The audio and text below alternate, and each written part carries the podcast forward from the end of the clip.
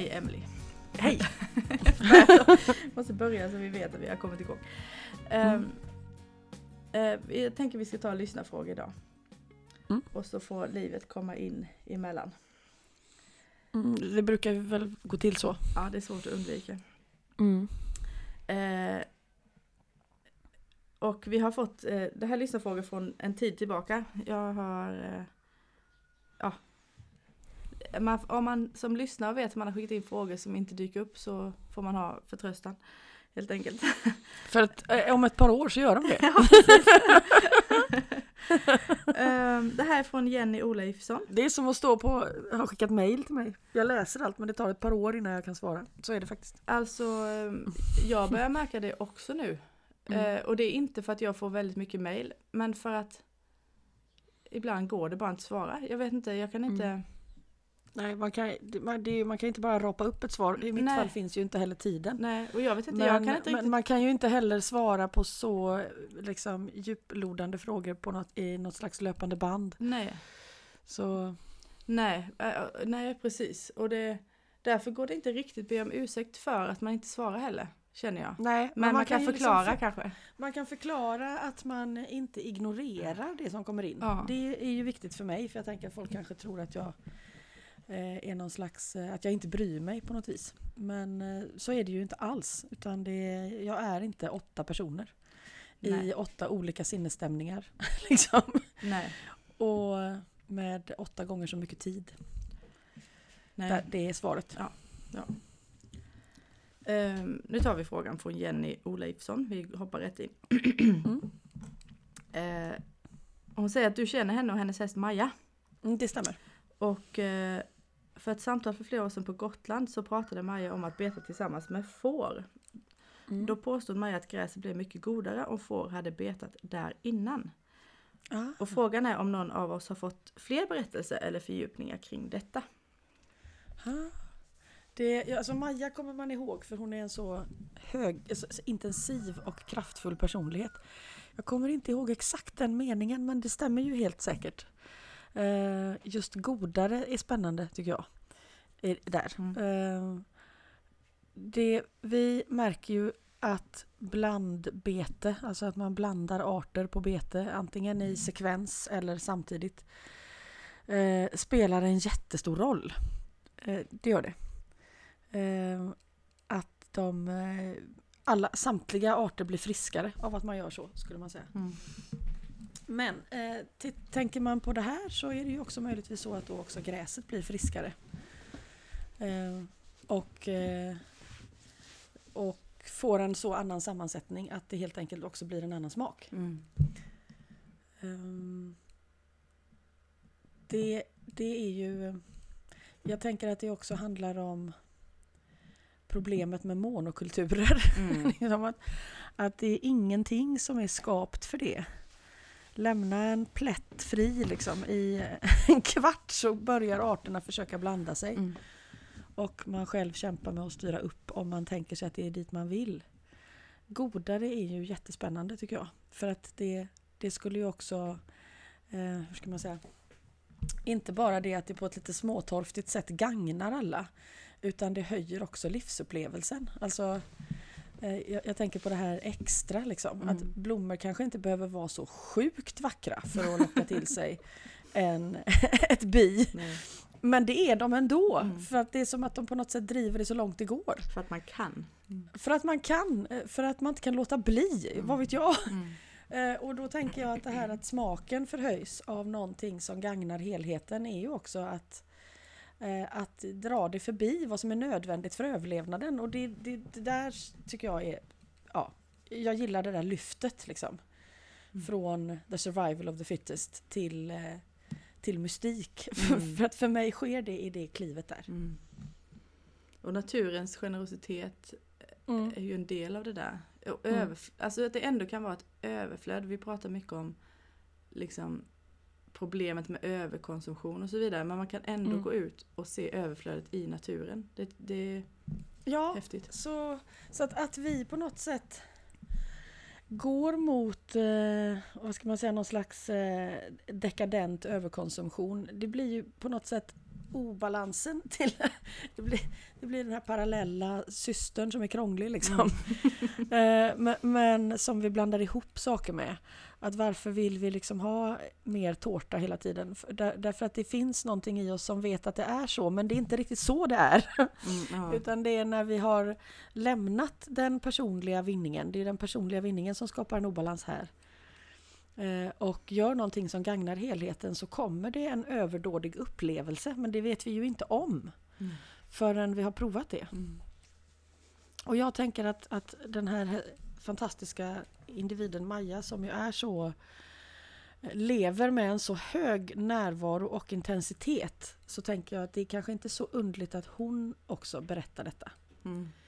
För att hon skulle ju definitivt vara en person som är eh, eh, som skulle notera något sånt här. Mm. För att hon kastar sig in i allt som har med livet att göra. Till, med 120-150 procent liksom. Aldrig mindre. Mm. Det är så vi träffades tror jag. Möjligtvis av den anledningen. Mm. Här har vi äh, ett växelbete med hjortar skulle man faktiskt kunna säga. Mm, För vi ja. har så extremt mycket hjortar i de här trakterna. Ja. Uh, och jag, jag, vet inte om jag kan kalla det växelbete ens därför att hästarna och hjortarna går ju tillsammans och betar. Mm. Och jag vet när, Sant, när Santos kom en av de första dagarna så skulle jag bara leda honom en sväng i hagen så han skulle veta ungefär var gränserna gick och sådär. Mm. Och då var ju alla hjortarna där. och han, han blev liksom helt Mm. det här är lite för mycket frihet, det är lite mer än vad jag har bett om. Jag får, kan jag ja. gå och ställa mig i lösdriften igen, liksom, i ett hörn helst, ja. så jag och har så, något att hålla mig i. Ja, exakt, och så tar jag in det här och sen prövar jag om en stund igen lite. Mm. Den känslan kan man ju kraftfullt relatera till. Men eh, förutom det så har vi också sen snart ett år tillbaka eh, flyttat hit höns. Mm. Och nu går de helt fritt men i perioder så har vi dem i sånt här portabelt staket. Mm. Eh, och i hästhagen då. Mm. Och eh, nu har jag inte pratat med hästarna om hur de upplever det men jag ser det på gräset. Alltså en, en, en, eh, en väldig skillnad i vitalitet där hönsen har gått. Mm. Um, och om man ska dra det till vad jag har, vad jag har läst bland annat om, om regenerativt jordbruk och sådär så är det ju, det handlar ju mycket om att djuren för med sig mikroliv. Mm. Um, både liksom på sina fötter men, och i spillning och sådär. Alltså det är, inte, det, är inte, det är inte bara gödsel och näring. Alltså nu har jag inte ens kommit till den mystiska delen av det, eller hur? Utan mm. det, det, är liksom eh, i första... Men du är ju den osynliga delen ja, av det ja, kan man säga. För oss. jag kan ju mm. aldrig undvika mycel och mikroliv. Mm, nej, och det, det, kan vi ju inte undvika. Nej, nej Så. det tror jag inte heller. Jag tror att det kanske är, ja, vi är värddjur helt enkelt bara. Mm. Eh, men eh, eh, och just som du pratar om med mångfalden, ju, ju större mångfald i mikroliv desto större mångfald kan det också bli bland växterna. Eh, så det är, ja, vi, vi kommer aldrig förstå allting säkert. Men, eh, men det är ju bra med påminnelser som Majas, att, att det händer någonting.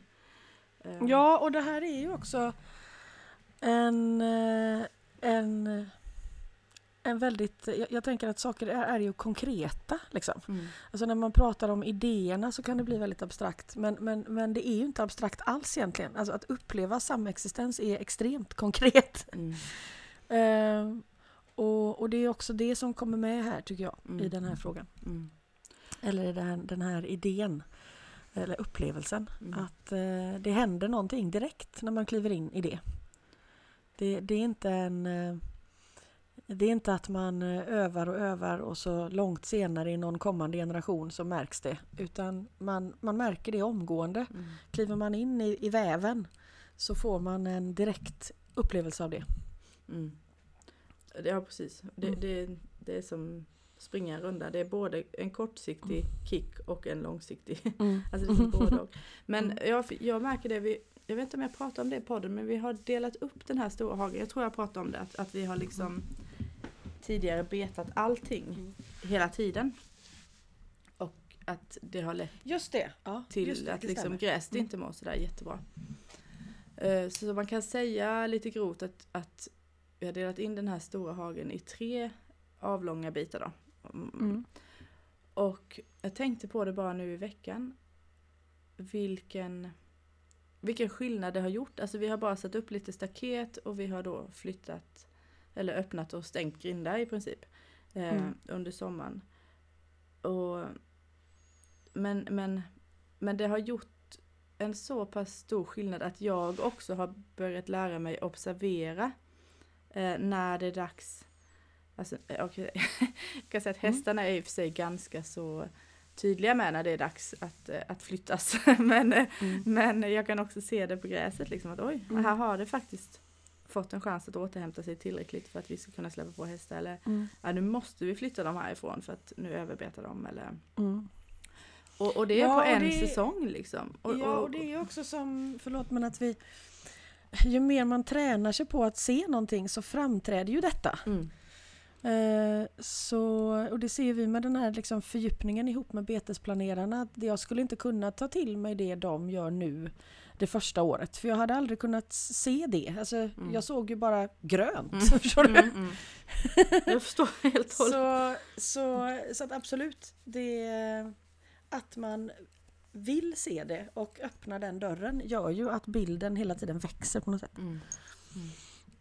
Och, då, och då tänker jag också, också apropå Majas livsglädje och smaken här att, att vi vi förstår ju att vi måste göra ett skifte och att vi måste göra, göra avkall på saker för att kunna fortsätta leva på den här planeten.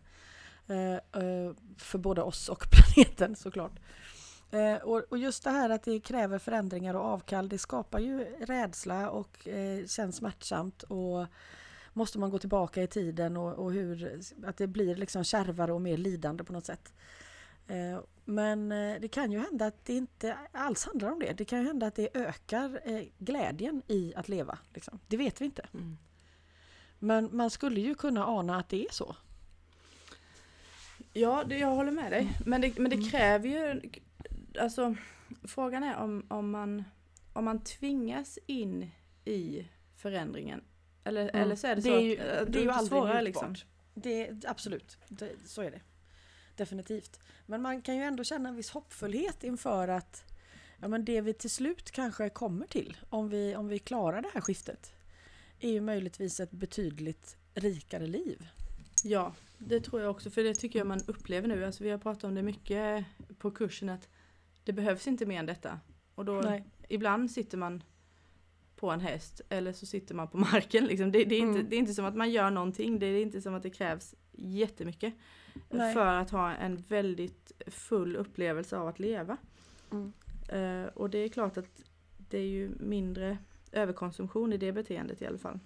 Ja, och, eh, och med det som grundtillstånd så, så kanske en, en sak som är fysiskt jobbigare att genomföra eller kräver mer av mig inte, inte liksom påverkar min livskvalitet på det sättet som det skulle göra utan den här mm. grundglädjen mm. i att samexistera. Mm. Så, så att hela upplevelsen kanske förändras. Jag tänker på en individ som Maja igen där som är i princip outtröttlig skulle man kunna säga.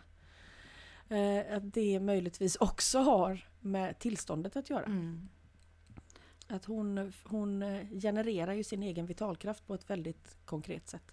Ja det där är ju häftigt för det, mm. det kommer vi behöva. Alltså jag såg någon graf om, över energianvändningen. Och det är ju alltså innan 1800-talet och fram till nu så har vi alla de här, eh, alltså den, den understa biten i den här grafen är ju ved och liksom kogödsel och sånt. Mm. Och sen så kommer framför allt då fossila bränslen och så lite vind och solenergi på toppen. Men, men om man tänker på alla fossila bränslen som vi använder för att skapa den här civilisation eller vad vi ska kalla det. Ja, alltså att vi måste tillföra i någon grad väldigt mycket Apparaten kostar mer än vad den genererar själv. Ja, precis. Alltså, vi, vi, vi använder ju liksom lagrad solenergi från mm. miljoner år. Mm. Och, och, det, det blev... och gör slut på den på en kvart liksom. Exakt. Och det där mm. blev väldigt konkret för mig när vi, för några år sedan så, um, så behövde jag mer hö så jag behövde ta tillbaka en, en plätt som vi tidigare hade arrenderat ut. Och då fick jag plöja upp den. Och Mm. då, på den plätten då så kom det mycket sten som vi behövde eh, ta bort såklart. Mm. Och eh, ja, det tog ju lång tid och det var ganska jobbigt och tråkigt och sådär. Jag kände inte Majas liksom vitalkraft där genom Nej. mig. Men då hade vi ändå en traktor med en, em, en frontlastare som vi kunde lägga Mm. stenarna på. Mm. Och då vet jag att det slog mig. Tänk om vi inte hade haft det. Alltså då, Mm. hade, vi, då hade vi förstått det riktiga, det verkliga priset av det Just vi det. håller på med. Mm. Nu, nu, nu liksom Mm. är det här ändå smidigare tack vare att här ligger liksom ja, fossilerade dinosaurier och föna från eh, Ja, ja eh, precis. liksom i tanken på den här traktorn. Ja, exakt. Och, Mm. och, och jag tyckte jag hade det jobbigt liksom. Mm. Eh, så det, det, var, det var ändå ett, Mm. ett väldigt uppvaknande för mig och det är en del i att i det här med att försöka till exempel se till att hästarna kan äta stående gräs hela året. Mm. Mm. För att då kommer vi inte vara beroende av fossila bränslen på samma sätt. Nej, precis. Eh, men eh, ja, väldigt spännande tanke om Ja, Ja. Det, är liksom, det, det finns en energikostnad för det vi gör som vi inte känner själva. ja, Därför att vi har liksom lejt ut den tjänsten till en annan del av naturen eh, utan att fråga då ja, också. en annan del och en annan tid till och med nästan. Eh, och, eh, och vi vet faktiskt inte om det heller. Nej. Alltså, eh, för, att det, för att det funkar. Jag, jag, jag- jag tänker att människan, det är mycket där. Det fungerar Mm, nu. mm, Eh, och vad kan då vara fel? Mm. Liksom? Det vi, det vi har inte...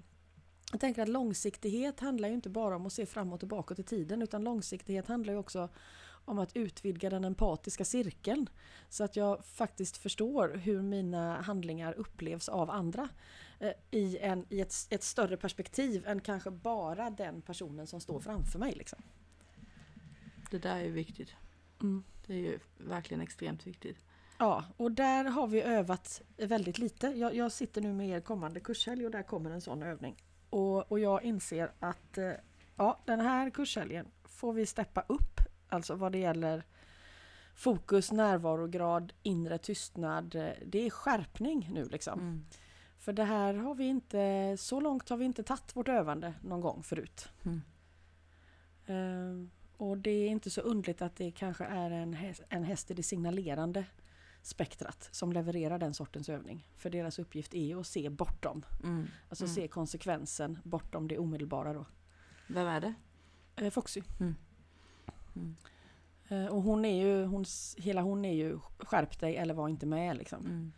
Så att ni kommer att få ett sånt mejl. Det är den helgen. Ja, skärp er eller känner ni att nej, riktigt så engagerad är jag inte så kanske man, man avstår hellre, Mm. tror jag är bättre. Inte för att vara avskräckande men för att det blir bättre om man kommer in med rätt motivation. Tror jag. Något skräckslagen.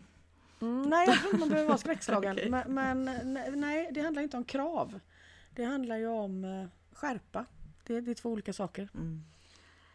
Det gör det men, det, men det är lätt Mm. att blanda ihop dem för att man ställer Mm. kravet på sig själv att vara skärpt och så Mm. missar man hela förmågan att vara skärpt. Nej, men jag tror man måste verkligen vilja pröva och vara vaken. Liksom. Mm. Spännande. Men där kommer det perspektivet in. Hur, eh, att jag tar det här steget. Liksom. Hur mycket styr jag över det? Hur mycket är det styrt av helheten? Hur mycket, hur mycket, hur medveten är jag liksom, Det är jättespännande. om den här min påverkan Mm. och hur jag själv påverkas? Inte medveten alls skulle jag säga då, ur mitt egen pers- egna perspektiv när jag skrev ner det. Nej det är ju jättespännande för jag menar Mm. av alla oss på kursen är det i alla fall du som har övat mest liksom. Ja, och ja. Vem är trögast? det vet jag. Jag, jag tänker på det här som jag sa för något poddavsnitt sen. Eh, eh, vad hette han nu igen? Antonelli. Mm. Med eh, om, du inte kan, om du inte kan hålla på och göra någonting i all evighet då är det inte hållbart. Just det, då är det inte hållbart. Nej. Exakt. Och den där, Mm. alltså det, det, mm. den hänger det, med mig. Jag tycker den är ja, så jäkla bra. Och den, det är också så att alla andra påståenden faller ju bredvid den. Mm. Så det är ju ingen idé att lägga till något. hålla sig till den. Kan du inte göra det i all evighet så är det inte hållbart. Det är, det är enkel matematik ändå. Ja det är det. Mm. Och det, det, det, har fått mig att tänka på till exempel även odlingen. Um, ja men herregud, jag, kanske, jag, jag kommer ju kanske inte kunna köpa frön i all evighet. Alltså Nej. om det här ska vara ett, ett, ett kretslopp som ska fungera i all evighet, då måste jag ju också mm. Um, det måste också generera frö och utsäde mm. till nästa år till exempel. Mm. Och sen har vi din fråga som jag vet att du ställde i förbifarten någon gång i podden. Ska vi hålla på att odla eller är det dags att börja samla och jaga? Ja, ja precis. Och, vilket ju är extremt relevant eh, mm. också. Ja, nej men det, jag tror att det, frågan kommer i förhållande till det tämjda liksom. Mm. Alltså det är problematiskt att vi tämjer saker. Mm. även, även att tämja växter i små räta rader är ju, eh, har ju ett pris liksom. Mm. Uh, och, och då tänker jag ju att ja fast man, uh, man måste kanske inte måste kanske inte vara antingen eller. Utan att det är samexistens inklusive en människa det kanske blir varken vilt eller domesticerat utan det blir en, en liksom dimension till i samexistensen. Mm. Eh, och, och, och, så har vi inte sett det ännu och därför har vi bara de här två alternativen. Liksom. Den tama eller den vilda hästen. Men, men en relation som sätter båda fria då, vad händer, vad händer i den? Och det är lite det vi prövar. Och ja, om man prövar det i odling då. Liksom, att man helt enkelt försöker att följa med mer. Mm. Eh, jag, jag, tänker att i mitt fall skulle det bestå av att ställa betydligt fler frågor än att sådär, men här passar det bra med morötter. Utan sådär, ja men Frågade jag verkligen det? Mm. Eller hade, ville jag bara få ner morötterna innan skolbussen kommer? Liksom? Förstår du? Ja, det, jag förstår exakt. Ja, det, mm. det är som den där rosen du har ändå som har ju ja. Ja, som i alla fall tvingat dig att eventuellt odla längre in i skogen. Ja, precis. Att, eh, jo, men det, det, måste ju finnas ett sätt att följa växternas talan och ändå kunna ha mat nära sig. Mm. Eh, jag, jag, tror att det går. men det, man måste öva. I den där boken som jag återkommer till ofta, Braiding Sweetgrass, eh, mm. så, så pratar hon om hur alltså, de olika indianska stammarna när de vandrade med, med bisonoxarna mm. Eh, då, då eh, hade man liksom också med sig fröer och um, nötter och sånt där som man, som man spred längs den vandringsleden. Och det där tycker jag är ganska häftigt. Ja. Och också då rensa väldigt, bort liksom. Lite som fåglar som liksom ja. bajsar ut. Ja. Mm. Och, och liksom framförallt var det mycket, alltså nötlunda då. Mm. Valnötter och pekannötter och sånt där som, som man eh, verkligen eh, såg till att ändå kultivera på något vis vid mm. flodbäddar och sånt där. Och, och mm. för mig var det liksom ett, ett ändå ganska nytt tänk. Men i kombination med som du säger att, att ställa frågor vad, vad, vill det vara en damm här? Vad vill, mm. vad, mm. vad, vad, vill, hur ska växtföljden se ut? Behöver jag ha ja. mer perenna grödor bland eh, annuellerna och så vidare? Mm. Eller Jag tänker att det där är ju en, en eh, naturlig följd av hur du beskrev upplevelsen med gräset och betesväxlingen. Att, eh, men börjar man bli intresserad och ställa frågan så kommer man ju kunna få svar. Mm. Innan dess får man ju följaktligen inte det. Det har vi ju märkt också med saker som har uppdagats på kurserna. Att, ja, men det är, varför har du aldrig ställt frågan? Ja, nej, jag har inte kunnat producera den. Eh, den, den, har inte varit möjlig för mig att ställa. Liksom. Och ju längre in vi kommer så ser vi ju att nej, det blir, kommer inte komma några svar, det kommer komma upplevelser. Mm. Frågorna är ju inte ens frågor längre. Frågorna är liksom en slags eh, poetisk dynamik och sen ska man ut med den. Alltså, det, det, är ju så det är nu. Ja. Och då får man väl gå ut i trädgården med motsvarande. Mm. Vad, vad, vad vill ni liksom? Mm. Ja, precis. Ja, för det, det är ju som du säger dynamiken i att eller eh, bara gå ut med idén om en förändrad dynamik egentligen. Mm. Vad händer när man går ut med den? Ja, och att bara att man går ut med att det är inte min trädgård. Mm. Liksom. Mm. Eh, det, det, kan vi börja med. Mm. Där måste vi börja. Om, om jag anser mig äga den och bemästra den så, så blir ju följd, de följande frågorna omöjliga att ställa då. Mm. Och det vet jag, det kom till ett eh, till ett sånt, eh, och, och de där tankarna ligger ju ofta under, alltså omedvetet. Vi är så tränade i att äga. Att, eh, att vi märker kanske inte att vi tänker så. Jag, vet, jag hade en, en situation när jag var i trädgården för många år sedan och så hoppade det iväg. Jag höll på att trampa på en, på en padda, en stor. Och, och då blev det så oj, vem är du? Och den paddan bara, men vem är du? och då förstod jag att ja, men, jag är ju hos paddan nu. Mm. Liksom. Mm. Det, den poletten ramlade faktiskt ner. Eh, att, nej, men jag går inte omkring i min trädgård. Jag, jag går omkring i liksom paddans habitat här. Mm. Liksom. Mm. Backa lite nu. Det, det här är inte ditt bara för att du råkar somna nästan varje natt i det här huset. Liksom. Mm. Alltså det, just det där att, att luckra upp äganderätten i sin egen, sitt eget system är ju, Mm. verkar ju vara väldigt eh, en gradvis resa. Mm. För det är som du säger, man, Ja, man är det. begriper inte det man inte har Nej. eh, fått syn på än. Kulturen är ju alltid en osynlig vägg på något sätt. Mm. Eh, Vad man än har för åsikt om det. Mm. Mm. Och, och ägande spelar väldigt stor roll i vår kultur. Mm. Mycket större än vad vi anar tror jag. Mm. Och, och där tänker jag också på Maja och fåren att där är det ju ingen som äger gräset av dem. Nej. Eh, De har inte den upplevelsen av den platsen där. Utan, eh, utan de möter gräset ur olika vinklar. Mm. Alltså jag, behö- jag behöver en sån där tanke, något att hålla tanken i och då brukar jag se ägandet som, det är ett kontrakt människor emellan. Det har ingenting, Mm, det, har ingenting med, Mm. med mig och den på pappret ägda individen att göra. Utan det, Nej, och det är ett väldigt sunt förhållningssätt tror jag. I, I och med att människan ännu inte lever i samexistens så är ju vår förmåga att dela saker mellan oss eh, väldigt begränsad. Och, och, då, och då blir det ju krig om vi inte har några linjer att förhålla oss till. Och där fyller ju ägandet en funktion, alltså i förhållande till varandra då. Mm, mm.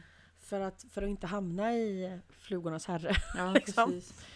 Eh, Men det har ju som sagt ingenting med eh, de övriga arterna som, som, eh, som redan har löst det dilemmat. Nej, exakt.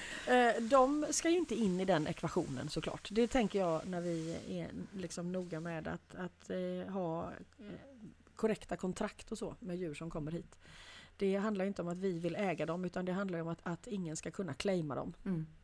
eller fatta beslut mot deras vilja. Liksom. Mm. Mm. Eh, Allt det vi pratar om nu eh, är liksom, vi, vi har som förberett oss för nästa fråga kan man säga. Mm. Eh, som kommer från Jessica. Mm. Eh, ehm, jag läser den rätt upp och ner här. Den dagen vi samexisterar och inte äger djur, land, hav med mer, äger då Ja, inom, vi. inom eh, citationstecken, Ja. är människorna då inte rovdjur längre? Eller jagar och plockar vi det vi behöver äta för dagen fritt, precis som vi gjorde förr? Mm. I så fall har vi lärt oss av historien eller gör vi samma resa gång efter gång? Hur, Ja, hur skulle alltså en samexistens potentiell, Mm. potentiellt se ut rent praktiskt? Mm.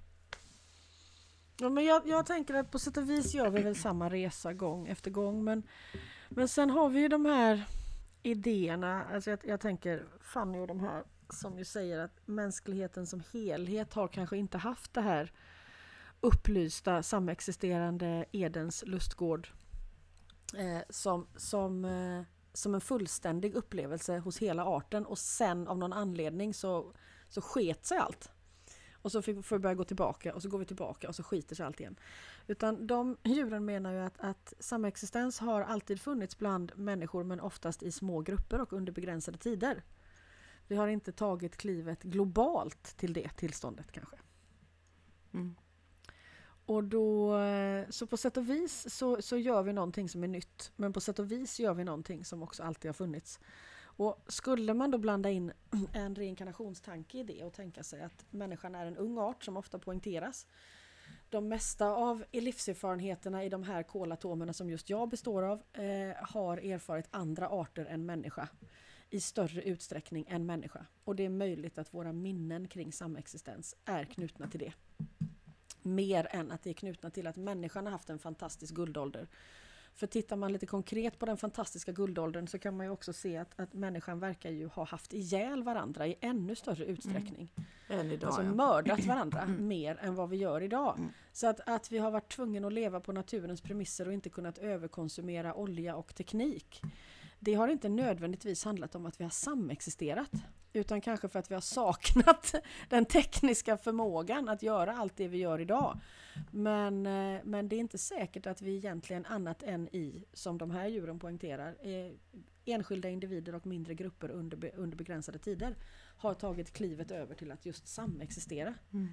Så det är inte säkert att det var eh, bättre förr om man tittar på just det här perspektivet. Mm. Ofta så lyfts det ju fram att det har funnits liksom totalt balanserade matriarkat eller att det har och så vidare och så vidare och så har det tappats bort. Det kanske det har gjort men det verkar ju om, om man tittar på djurens historia så verkar det aldrig ha gällt hela mänskligheten på samma gång. Liksom. Mm. Och det är jag kanske beredd att, att tro också om man, om man funderar lite kring arkeologiska fynd av vad vi verkar ha ägnat oss åt genom historien. Ja. Alltså väldigt få, ju längre bak man går i tiden, som dör av ålderdom. Mm. Så, mm. Kanske. Mm. mm. Men jag vet, för det... Så det är inte säkert att man lever i samexistens för att man jagar och samlar. Nej, det kan precis. hända att man drivs av samma rädsla eh, och liksom paniken för hur ska jag överleva i denna värld mm. då som nu mm. egentligen. Det, kan, det kan vi inte svara på. Förmodligen både och då som nu. Men med den här eh, galna överkonsumtionen som vi har hamnat i nu så, så måste vi ju komma till ett beslut. Nu kanske det inte längre är upp till individen utan nu måste vi kanske eh, få med oss arten. Ja, det, det verkar väl så mm. eh, ändå. Om, om, om, arten ska fortgå. Alltså jag tror att planeten ja. gör väl det på sitt vis. Ja. Den, den brukar klara det mesta. Men ja, den, ska vi vara med liksom? Ska vi vara med, mm. precis. Uh, nej, så det du, det du säger egentligen handlar ju om, om den här ja, det förändrade tillståndet egentligen. Och sen vad det leder mm. till i praktiken vet vi inte riktigt. Men vi har Nej. börjat glimta tillståndet. Ja, vi har börjat glimta tillståndet och då tänker jag, skulle vi inte längre vara rovdjur? Eh, den blir ju svår att svara på för att vi måste definiera rovdjur. Är ett rovdjur en som äter andra djur? Men, men, eh, och en som inte äter andra djur men äter växter är då inget rovdjur. Eh, så kan vi ju säga. Men den som äter växter äter ju också någon som lever. Så det är vi tillbaka i den här mm. att någon slags cykel hamnar vi i vare sig vi vill eller inte. Mm om vi bara äter fallfrukt så äter vi fortfarande upp liksom, det, det, möjligtvis det potentiella fröet till en ny levande varelse. Så vi kommer kanske inte ur den cykeln. Men i samexistens är det ju möjligt att den cykeln inte alls skulle innefatta den här nivån av lidande. Liksom. Mm. För att vi möjligtvis skulle kunna... Eh, jag tänkte på det apropå vi sa livet kanske tar sig in och då finns det ju en väldigt relevant sak med Willow, den ena hästen som det har ju dött eh, många här det sista. Eh, och eh, när Willow låg och inte kunde röra sin bakdel på grund av en nervskada så ville hon ha tid på sig för att hon, eh, hon hade inte ont och hon ville gärna gå igenom sitt liv. Liksom. Hon gjorde också en slags upplysningsprocess där. Eh, och då sa hon så här att hon, eh, hon visste ungefär den exakta tidpunkten för när det var dags att gå och då ville hon ha hjälp. Och anledningen till det var att den här klarheten i, i uppvaknandet när man står precis på gränsen, den håller i sig en viss stund som hon såg, såg det. För att till slut så kommer det sen att slå över i att kroppen går upp i stress. Mm. I hennes fall skulle den gå upp i stress av förmodligen svält om hon hade varit ett, ett viltdjur. Eh, eller att liksom, kroppen känner livet rinna ur sig och börjar kämpa liksom, in i det sista. Eh, och ett rovdjur enligt henne skulle ju då se den här exakta gränsen. Eh, och fånga henne exakt när hon är klar. Mm. Så att hon får den tiden hon behöver men man går inte över gränsen. Och, och, då har vi turen att ha en granne som är jägare och som är helt införstådd med djurkommunikation. Så jag ringde till honom och sa exakt det här. Och då säger han, ja men det är inga problem, jag är hemma, jag är fem minuter bort. Jag, är, jag, gör, jag tar fram, jag är helt beredd liksom. Mm. Så säg till när hon är klar, då kommer jag exakt då. Vilket han också gjorde då. Mm. Och, och det där sätter ju ett intressant perspektiv på rovdjurens roll. Att tänker vi oss att världen vore bättre om de inte fanns, då... Ja, riktigt så enkelt är det nog inte. Nej, var det, var det ett får Mm. som sa till dig att vara Ja, rovdjuret? det var ett får, det var ett får som sa Mm. till mig att Mm. eh, ett rovdjur hade aldrig stått ut med att se mig lida. Mm. Ett, ett rovdjur som var sann mot sin natur, så sa hon. Mm. Och då är vi Skulle tillbaka, inte stå ut med att se mig lida. det här som jag pratade om efter, för något avsnitt sedan med, med behoven och att, att liksom att, att det, det kan mötas, ditt behov och mitt behov. Det är ju lite, det är, det är ju där liksom, nu har jag ett behov av att inte lida längre och du har behov av Mm. mat och där möts vi. Mm. Mm. Ehm, men Och då tänker jag att en, en, en fungerande samexistens, om man ska tänka sig något slags paradisiskt tillstånd, det vill säga om, om, om vi skulle uppgå i allt detta och vi, tar, vi plockar hem himlen nu bit för bit genom att gå över tröskeln som vi har pratat om. Eh, hur skulle det se ut? Och då tänker jag mig att ja, men det där är ju en sak som skulle kunna ske i ett sånt sammanhang. Då. Mm.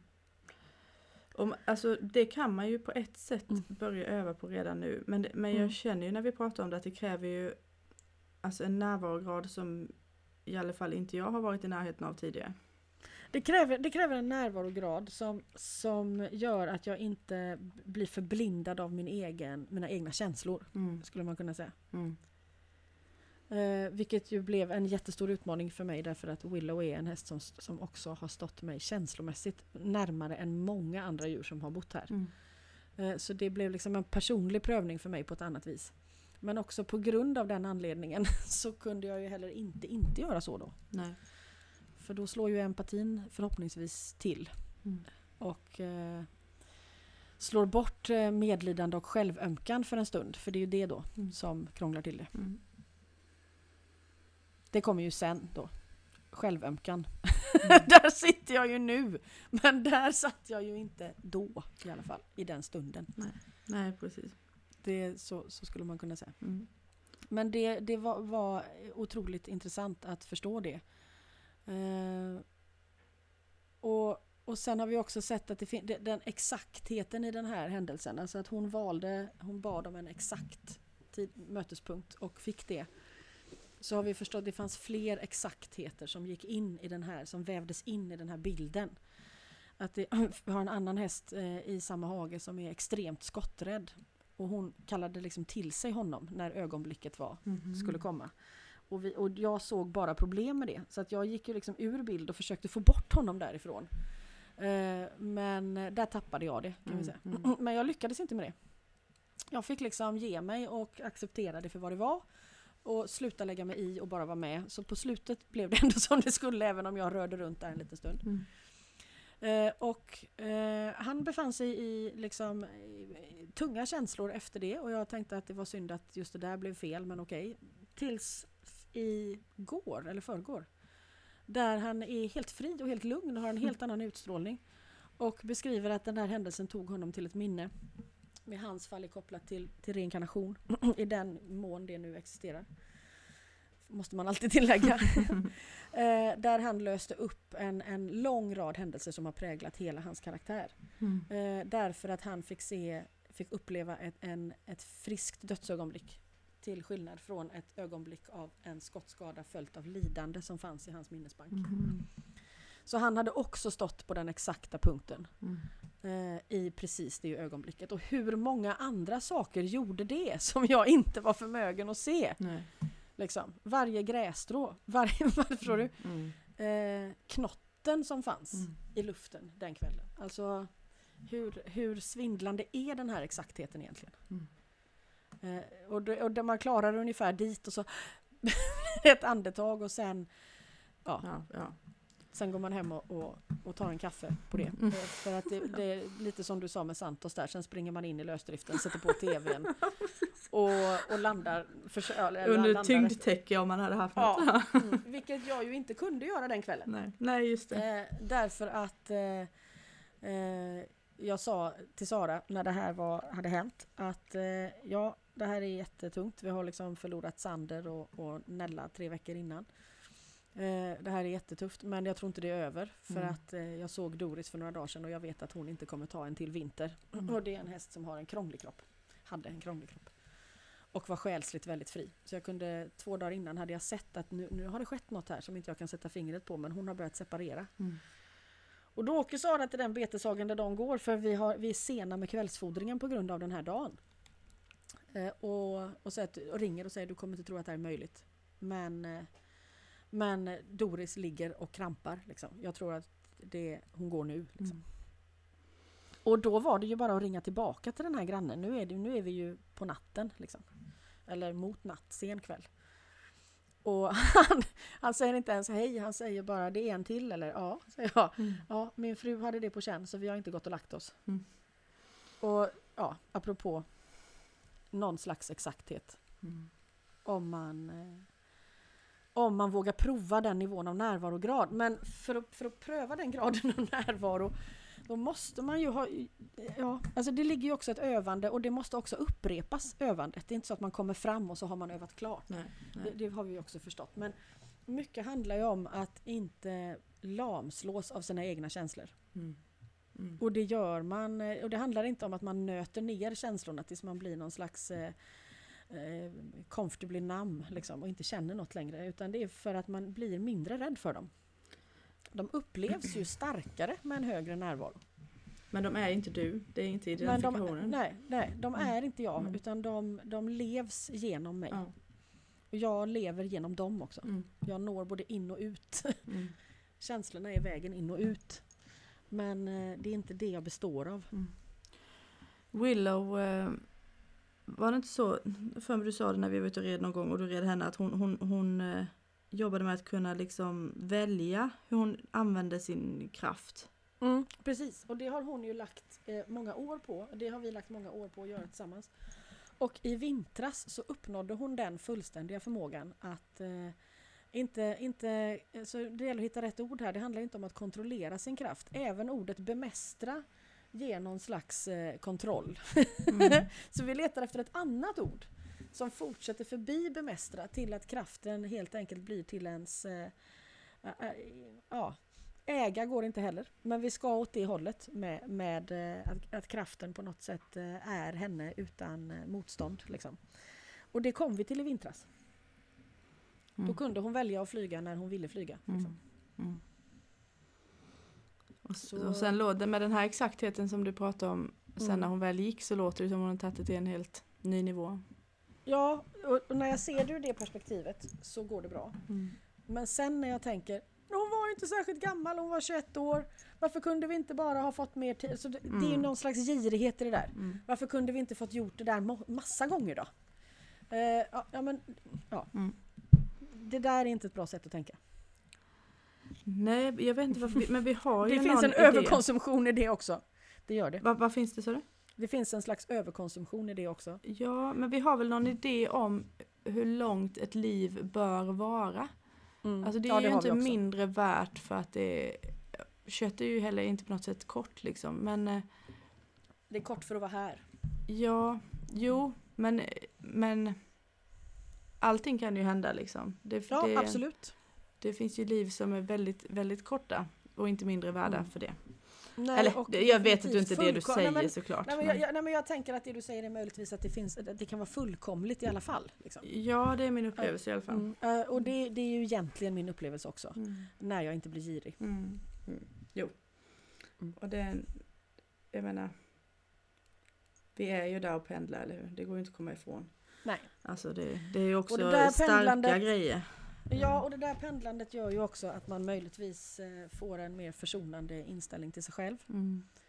Eh, vilket igen hjälper när man ska stå med någon annan. Mm. Eh, att inte vara så himla säker på vad som är rätt och fel eller tänka sig att man har kommit någon vart. Mm. den, mm. den självbilden hjälper en inte. Nej, det tror och då är det ner i dyn eh, som gäller. Eh, och, och, det är bra för oss på lång sikt att ramla. Vi pratade, vi pratade om det sist det efter det. podden. Nej det ja. gjorde vi inte, det var nog på kursen när vi var ute och åkte bil. Men alltså ja. just det där hur, hur, hur lätt det annars hade varit att vara självgod liksom. Mm. Och kanske dömande. Mm. Eh, ja, det hade vi varit. Och vi då hade, hade vi liksom varit i en helt annan... Det. Eh, det hade varit någonting annat vi höll på med då tänker jag. Mm. Ja, det hade varit något helt annat. Då har man liksom lärt sig att eh, förstå och, eh, och behärska mm. saker. Mm. Liksom. Så kan man lära ut det till andra. Mm, och så kan man sen lära ut det som Mm. man har eh, eh, kan. Ja. Eh, och här eh, enligt Taos, eh, liksom, när man tillskansar sig kunskap så lägger man till saker. När man tillskansar sig Tao så plockar man bort Mm. saker. Mm. Och man inser efterhand den enorma skillnaden mellan dessa två. Eh, Att lägga till byts gradvis ut mot att komma till insikt istället. Och sen, sen försvinner insikten i samma ögonblick som den uppstår. Har man tur är man så närvarande att man märker att det sker. Mm. Eh, Och det kommer ändra allting.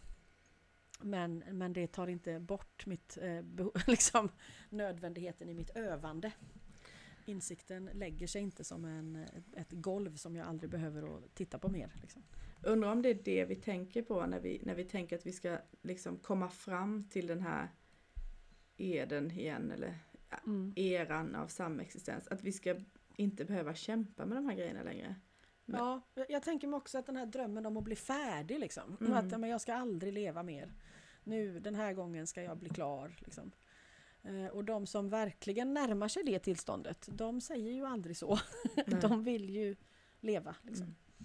Det, där hade vi både Willow och Sander som, som båda i, i sin extrema levnadsglädje inte var så intresserade av att bli vårdpaket.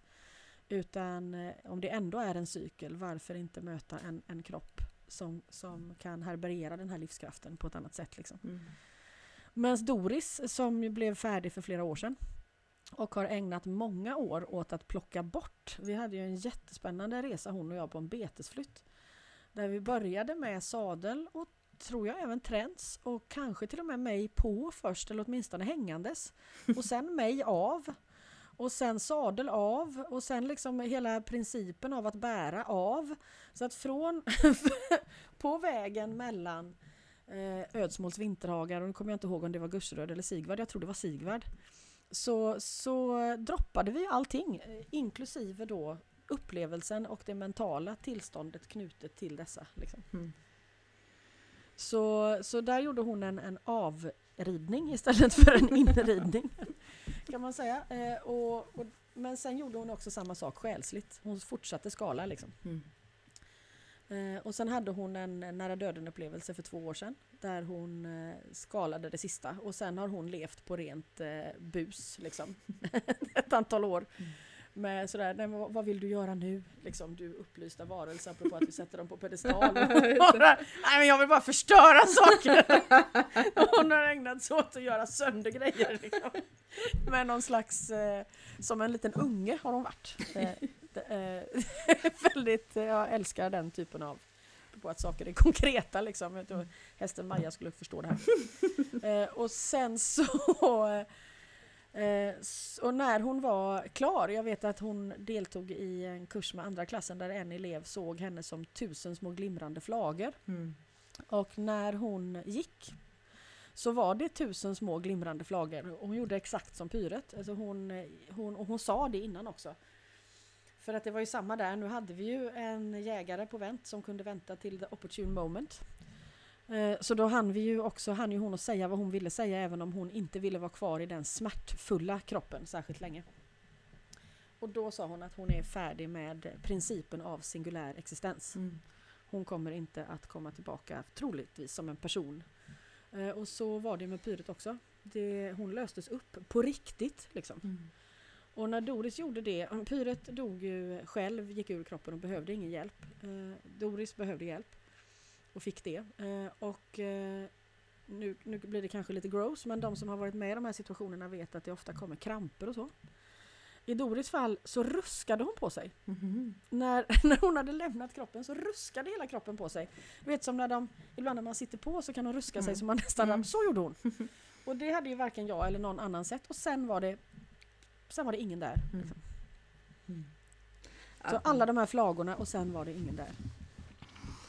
Det är en ynnest ju- att få lära, och- fått lära känna henne. Ändå. Ja, alltså, för vi har absolut. vi ändå de här fyra åren. Vi, även om vi Ja. inte lever med det. Nej, och hon har ju deltagit. Hon har ju hållit i någon kurstillfälle. Och hon, har, alltså, hon har gjort mycket. Ja. Eh, eller hon har ju faktiskt varit generös och delat med sig trots denna väldigt egensinniga personlighet av att mest skita i allt. Liksom, så har hon ju varit väldigt generös. Ja, för Eh, man, det, man, det, på något vis har vi fått vara med på resan. Det, hon har ju, det har ju hänt Ja, extremt mycket på de här fyra åren. Ja, det är ju Eh, under de här fyra åren som allt ja. detta har hänt med henne. Så, Mm. så ni har ju varit med hela vägen. Mm, Och, mm. eh, och sen i hennes fall så, så känner jag, och det var samma med Pyret då, med Pyret som jag hade levt ett helt liv med så tänkte jag jag dör när hon går. Men där kom det aldrig egentligen någon sorg för det är någonting i den där upplösningen som förändrar, alltså särskilt kanske om man är med och mottar det när det händer, jag vet inte. Som ändrar hela sorgeprocessen. Eh, och samma med Doris. Mm. Det, jag kan inte känna den sortens liksom, traditionella sorgeprocess i förhållande till henne. Det är någonting med upplösningen av det, det singulära som gör Mm. det om man tar emot den upplevelsen. Mm. Jag, jag kan inte förklara det bättre än så, inte ännu i alla fall. Det är lite häftigt för det är som att Mm. ja, ja, men alla blir klara med den. Ja, det är ju häftigt. Mm. Och, men, men det betyder ju inte att man kliver ur existensen och så på något sätt lever på ett guldmoln och bara gungar om. Alltså jag tänker den här eh, nirvana-tanken liksom, att jag ska bli färdig. Det är inte så de säger när de blir det. Apropå det ämnet. Nej, ja, men säg, är det mer bara att sen finns inte, sen, sen är man liksom inte medveten om vare sig det ena eller andra. eller Nej, vad det, säger det man? vet vi ju inte riktigt. Nej. Nej. det är svårt att veta det. Mm. Eh, På något sätt så finns hon ju oupphörligen. Alltså det är också att den singulära formen har ju ett av och på. liksom. Ett före och efter, ett innan och utan. Och tar man bort hela det, ja vi kanske inte kan, kan eh, riktigt förklara det för varandra, vi som befinner oss i det singulära. Vi kanske kan följa med till upplösningen för då kan vi fortfarande se partiklarna men sen är vi ju inte med Mm. längre. Mm. Men jag vet att när Pyret gjorde så så fick jag en omedelbar känsla av att jag kommer aldrig mer att vara ensam. Mm. Jag kommer aldrig mer att kunna se henne. Eh, hon kommer aldrig återuppstå i någon tänkbar form och jag kommer aldrig mer att vara ensam. Det finns ingen logik i det. Men eh, känslan sitter ju i än. Det, Hon kom, dog ju det, för vad det nu är, sex år sedan eller mer. alltså det, det kanske inte finns någon logik men det känns logiskt direkt när du säger det. För det känns ju egentligen som Mm. att du får en, en tydlig upplevelse av henne som Gud. Och hur skulle du då kunna vara ensam? Mm. Alltså då har du nästan fått Ja. en, en eh, Ja, du kan, ja förstår du vad jag menar? Ja, jag förstår, jag förstår vad du menar. Eh, Då har- finns ja. det ju i, i allt på något sätt. Och det, det betyder ju inte att man upphör att existera. Det blir, det blir väldigt konstigt att tänka så. Det blir ju en slags eh, väldigt fullkomlig existens. Och det kanske Ja. är det vi menar med nirvana. Ja. Men om vi tänker oss att den singulära personen blir klar och fortsätter i en singulär, färdig form. Så, så nej, det är, inte, det är inte det den här historien kanske säger då. Nej, nej precis. Alltså jag tänker inte vi ska ta mer frågor för det vore liksom eh, att vanära både dem och den här, det här samtalet. Eh, jag vill liksom inte fylla på med någonting nu riktigt. Nej, det är svårt. Mm. Det är svårt att fylla på med något. Det är därför som jag eh, arbetar lite begränsat nu till exempel. För Mm. att eh, det man kan inte mata på Nej. efter eh, en, ett sånt. Eh, det här, allt det här var ju inom loppet av två timmar ska man tänka på. Mm. i det här att man behöver rusa in och smälta Mm. så får man ju tänka att inrusandet och smältandet får ju nu fortgå eh, i någon slags eh, över lite längre tid då Mm. Mm. eftersom det inte fanns nå- något utrymme för det i stunden. Ja, precis. Och jag önskar att alla människor gav sig själva den chansen. Och hade, liksom att man har möjlighet att göra det. vad ska säga. När någonting sånt händer. Mm. Jo men alltså vissa, vissa arbetsuppgifter hjälper ju en. Alltså jag tänkte jag hade ju liksom som sagt panik inför den här kursomgången och sa det till eleverna också.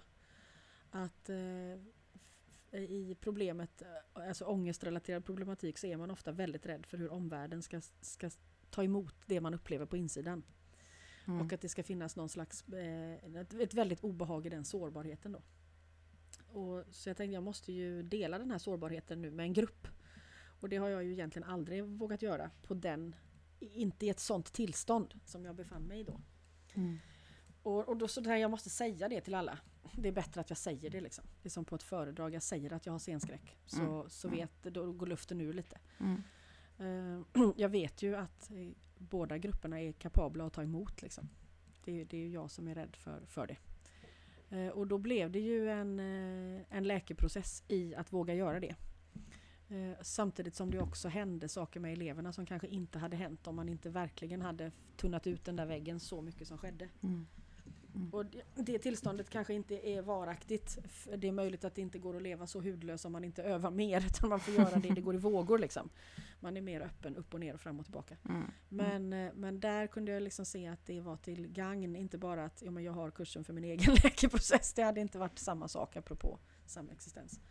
Men att jag tänkte också att jag vill säga det till alla så att känner man att nej men jag vill inte in i så här eh, djupsinniga eller intensiva saker då kan jag kanske välja att faktiskt vara hemma istället. Mm, mm. Att man eh, är ärlig med det då. Mm. Men, mens att till exempel ha många ridlektioner eller många möten där som kräver ett mer extrovert tillstånd. Alltså att jag mm. tillför saker. Mm. Jag är inte just nu i ett tillstånd av att tillföra en massa saker. Nej, det kan jag förstå. Apropå att vi kan inte ta mer lyssnarfrågor nu för vi kan inte lägga på något. Nej. Det, så är det ju. Mm, mm. Eh, och, och, så får det väl vara då, så länge det är så. Du har inget val? Nej, jag har inget val. Eller det har man väl på, något, på någon nivå men ja, du kommer nu förmodligen hamna där igen antar jag. Ja, ja, och sen har jag ju ägnat en mycket så um, Jag har inte stannat upp så mycket. Alltså jag har mest ägnat mig åt att eh, fly genom att tänka på något annat. Och, och nu uh, nu vill jag inte det egentligen längre. Mm. Jag kan inte säga att det är för att det inte går. Utan det är, jag, jag vill inte Nej. fly nu. Och det är en väldigt stor skillnad. Mm. Mm. Sen gör man ju det ändå på en massa sätt bara av, bara av vanan av att göra det. det är klart. Men det, man kan återkomma ändå, liksom. Det är ett apropå att man kan välja, men det finns ändå en, det finns något på insidan där mm. som tänker annorlunda ändå. Mm. Mm. Och det är väl allt, eh, allt ältande och övande av att stå kvar som vi inte är färdiga med. Men som ändå eh, är väldigt värdefullt. Mm. Ja, känner du att du har liksom Alltså som, som jag känner dig så är du väldigt bra att stå kvar eh, för andra. Mm, det är ju ja, lättare. Det är lättare, ja. Så det är mm. övningen i att stå kvar för sig själv, eller? Mm, ja, i mitt fall är det nog så. Mm. mm. Men det, ja, det har hjälpt att vara övat på något plan, tänker jag. Mm. Ja, och det säger ju Fanny ibland till individer som är väldigt trasiga. Att men du kan inte börja i änden av att älska dig själv, det kommer inte gå, det, kommer, det tar eoner liksom. Det, du kan inte börja den änden. Utan börja i att eh, öva på att älska andra. Mm. Och jag vet som Premo sa någon gång att ta in, liksom, ta in en efter en efter en. Mm. Till slut tar du in en, en eh, omöjlig granne eller en person som du riktigt avskyr eller ser ner på. Och till slut så slinker du med in själv. Eh, skulle man liksom först behöva vara hel för att sen kunna stå för någon annan. Då Ja, då kan vi ju inte öva på det här sättet. Då får vi ju öva i isolat och inte ge oss ut förrän vi är klara och inte längre kan vara till skada för någon. Liksom. Mm. Jag tror också att, att det faktiskt, alltså det, det, är nästan, det är ju som hon säger, det tar ju år, det är liksom nästan en omöjlig väg. Mm. Jag menar, fan, det tänker jag på ibland. Har man dåligt självförtroende, ja men stå och servera soppa i alla fall då. Alltså det finns ju alltid mm. något man kan göra för någon mm. annan som inte mm, handlar om att man har självförtroende eller inte. Ja, eller som inte handlar om att man har någon slags speciell kapacitet mm. eller mm. måste liksom på något sätt eh, leverera på en ja, jättehög precis. nivå. Ja. Mm. Det är mocka för någon då. Alltså, mm. Eh, men den här, det är ju någonting i tjänandet som eh, också måste finnas med på den här vägen. Ja, och det, ja, mm. för det är nog det är nog svårt att tjäna utan att det är åt båda hållen. Alltså, mm. Jag menar inte att man kan tjäna och tänka att det är för personlig vinning. Men alltså det måste, jag tror att det, det, ja, det blir liksom inte bra om det inte eh, är bra för också den som mockar. Mm. man säger. Ja, ja, eller hur. Mm. Det, så är det. Eh, det är inte, för då är vi, annars är vi ju på en hierarki igen. Då Mm. blir tjänandet som princip satt i ett hierarkiskt perspektiv och då betyder det något helt annat Mm. Mm. än vad det betyder i ett samexistensperspektiv. Mm. Jag tror vi ska avsluta nu så vi inte snurrar för långt bort ifrån den här känslan. Ifrån allt, ja, Ja. vi snurrar inte mer, eller vi snurrar eh, hejdlöst. Ut i någonting annat. ja. Mm. ja, det är nog... eh, Ibland blir det ju väldigt, eh, väldigt tät intensitet. Mm. Ja, vi, vi behöver landa lite mjukt innan vi avslutar. Men, ja. ja, det kanske vi inte lyckas med. Jag tror att vi, eh, vi får väl ja, vi får väl landa i det, eller in, inte landa Ja. i det där stora. Tack för idag. Tack!